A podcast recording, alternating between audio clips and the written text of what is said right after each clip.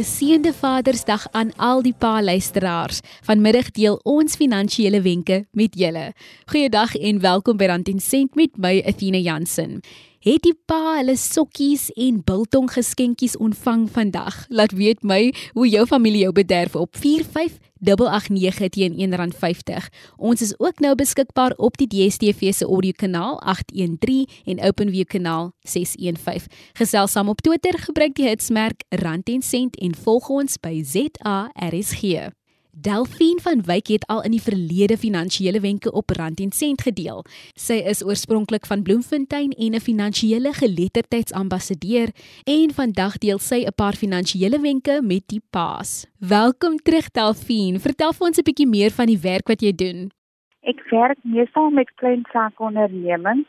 Ek was in koöperatief vir omtrent 14 jaar en dit het besluit opvoeding of opvoedkinders weer my passie.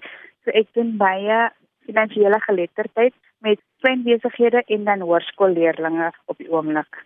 Delphine, jy het gevra dat ek sommer my pa se gereedskapkassie moet saambring vir hierdie gesprek. Nou, hierdie besigheid is swaar en ek besef dat ek nie die helfte weet van wat aangaan of waarvoor die toerusting gebruik word nie, maar ek het hom hier. Ja, ek het gesê bring jou pa se toolbox of gereedskapskas saam want omdat dit Vadersdag is, hou ek daarvan om die konsep van finansiële beplanning so kreatief moontlik voor te stel want ons word al ewig gepla of nie gepla ingelig deur formele media maar ons is nie altyd lus om op daai manier nog op Vadersdag ook weer van dit te hoor nie. So ja, die gereedskapkas het ek gedink elke pa alles is 'n klein kasie het 'n uh, gereedskapkas in die huis in. So as nou as jy die kas oopmaak, dit is van die eerste 3 goed wat jy sal kry wat meeste pas in hulle kus het. Ek hoop ek het die regte benaming vir hierdie toerusting. Ek sien hier 'n hamer en 'n skroewedraaier. Ja, die hamer en 'n skroewedraaier. Ek het gister by die DIY gaan vra wat is 'n skroewedraaier in Afrikaans en hulle sê dis jou beste Afrikaans in volksmond is 'n skroewedraaier. Nou as ons kyk na die hamer, die hamer is om iets gewoonlik tydelik op te los of te fix het pas al sê. Want dit is gewoonlik nie permanent, dit is iets wat gou moet opgehang word, op gou-gou vas moet gehamer word in die muur of so iets. Nou as ek dit kan deurtrek na jou finansiële plan toe. Baie kere is daar net 'n tydelike oplossing vir iets. Is nie iets wat permanent gaan wees nie. Ons kan byvoorbeeld kyk na 'n noodfonds. Nie almal het is hierdie vermoë om 'n noodfonds te begin nie. Maar as ons net iets tydelik in plek kan stel, miskien is dit net 'n glasbottel met R5, dan is dit iets wat hy tydelik met sy hamer kan doen. So die R5 in die glasbottel is tydelik, maar hy gaan later dit na iets permanents toe neem. Die skroefdraaier is om iets los te draai. Nou as pappa in 'n moeilike situasie is en veral met COVID is daar baie pappas wat in so 'n situasie is wat gaan pappa kan losdry in die finansiële plan? Wat kan ek kyk na hy het 'n gym kontrak, maar hy gym nie reg nie. Miskien 'n kontrak wat ek kan losdry. Hy kan daarby probeer uitkom van daai kontrak is weer R500 wat hy ekstra kan net vir sy kontantvloei of sy bankkoste. Wanneer laat hy sy bankkoste hersien?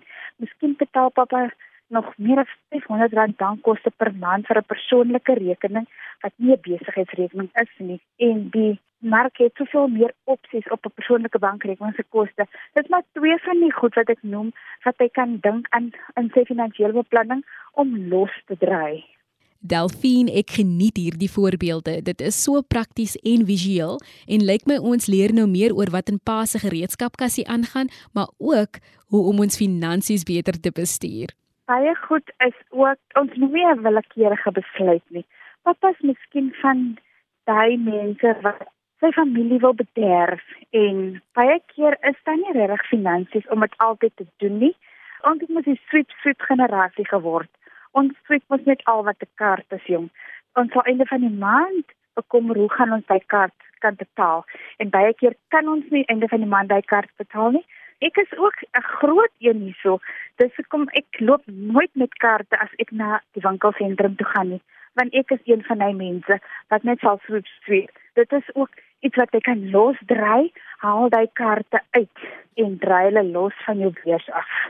Dis baie interessant dat jy verkies om nie jou kaart gereeld te gebruik nie en eerder kontant omdat ons juis in 'n era lewe waar daar aangemoedig word om eerder ons kaarte te gebruik. Maar dit is seker nou in die geval wanneer jy streng by die inkopieslys moet hou. Daar is verskillende persoonlikhede en verskillende mense. As jy self gedissiplineerd is, ek het sulke familielede, hulle is so self gedissiplineerd as hulle nie begroot het om vandag by die wimpie te stop vir 'n koffie op pad werk nie, gaan hulle dit nie doen nie. Ek aan die ander kant is nie so nie. Of as iemand nou vir my sê kom ons gaan gou vir 'n koffie, dan gaan ek nie sommer sê nee nie. Ek is altyd in vir 'n koppie koffie om 'n voorbeeld te noem. Ek val definitief in my skuld daar. Ek moet ook dissipline aanleer. So daar het ons gehoor dat ons soos die hamer dinge moet regmaak en in plek stel vir 'n noodfonds of 'n spaarplan en dan soos 'n skroewedraaier 'n paar onnodige skuld moet losdraai en ontslaaf van raak sodat ons ons finansies beter kan bestuur. Delphine van Wyk deel vandag 'n paar finansiële wenke en gebruik 'n gereedskapkassie en sy toerusting as voorbeeld. Delphine, kom ons kyk verder wat ek in my pa se gereedskapkassie sien.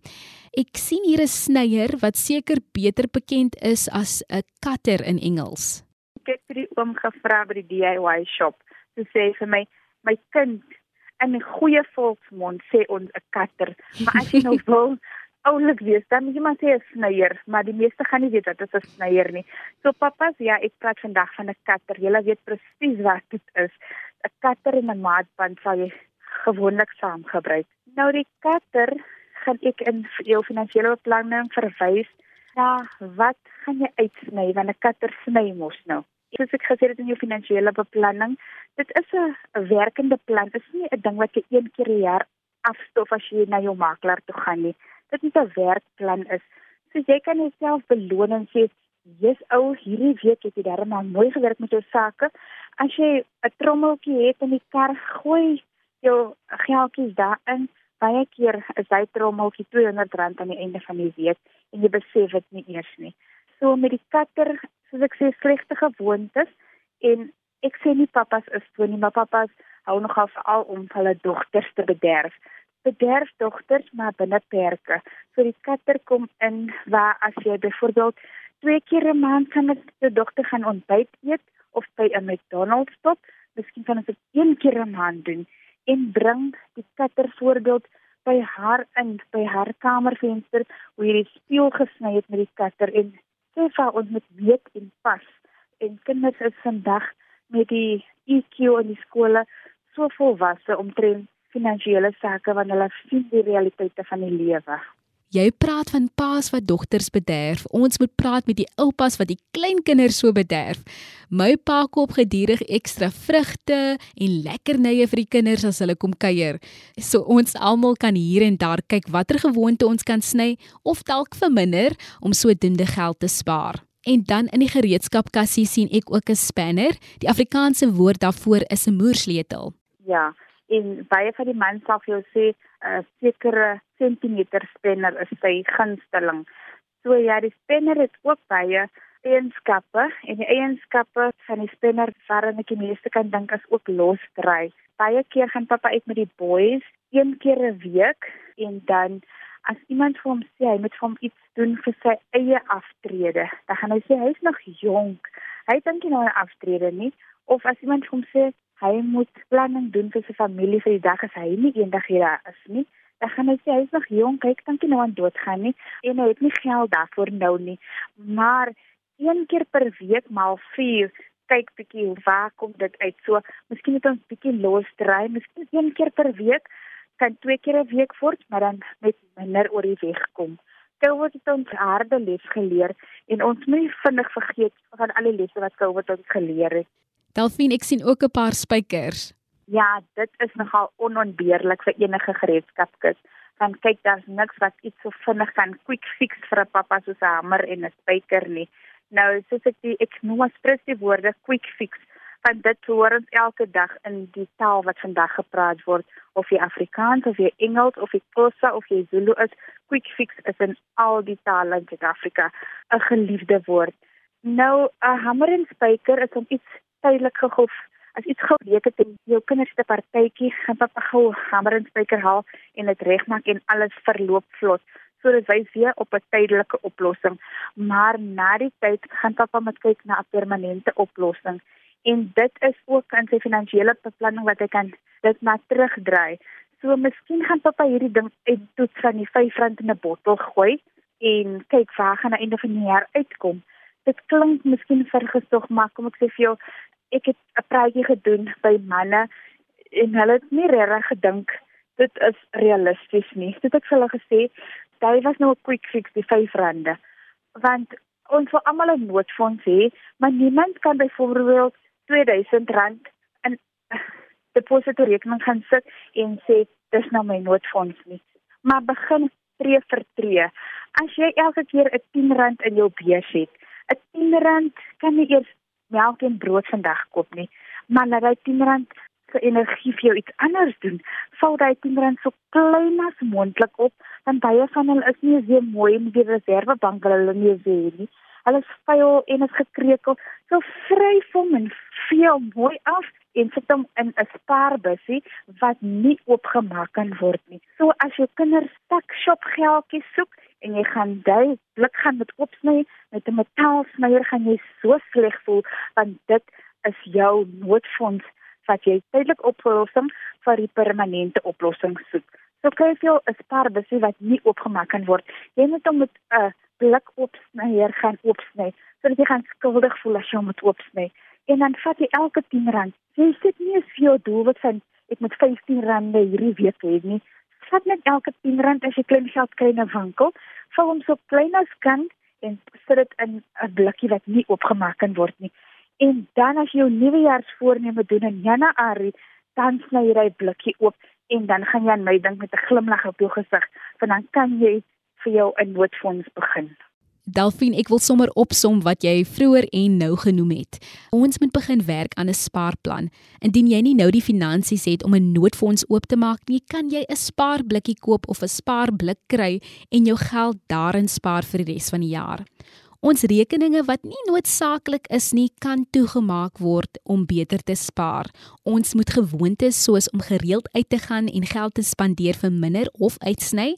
Ons moet gedissiplineerd wees wanneer ons inkopies doen. Al beteken dit ons vat die presiese bedrag saam vir die inkopies wat ons wil doen. Delphine het genoem dat paas moet beplan vir die toekoms en weer die spaarblik wenk genoem. En sy het natuurlik 'n gereedskapkassie met sy toerusting as voorbeelde gebruik vandag.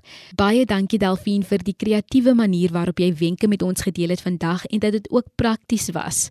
Ek hoop dat al die vaders vandag se program geniet het. Indien die luisteraars weer na vandag se program wil luister, maak 'n draai op ons webtuiste www.rsg.co.za. Op die potgooi skakel sal jy onderrand en sent vandag se wenke vind. Ek speel uit met John Barker se Thank You for Being My Dad. Van my Athena Jansen wens ek jou 'n gelukkige Vadersdag toe.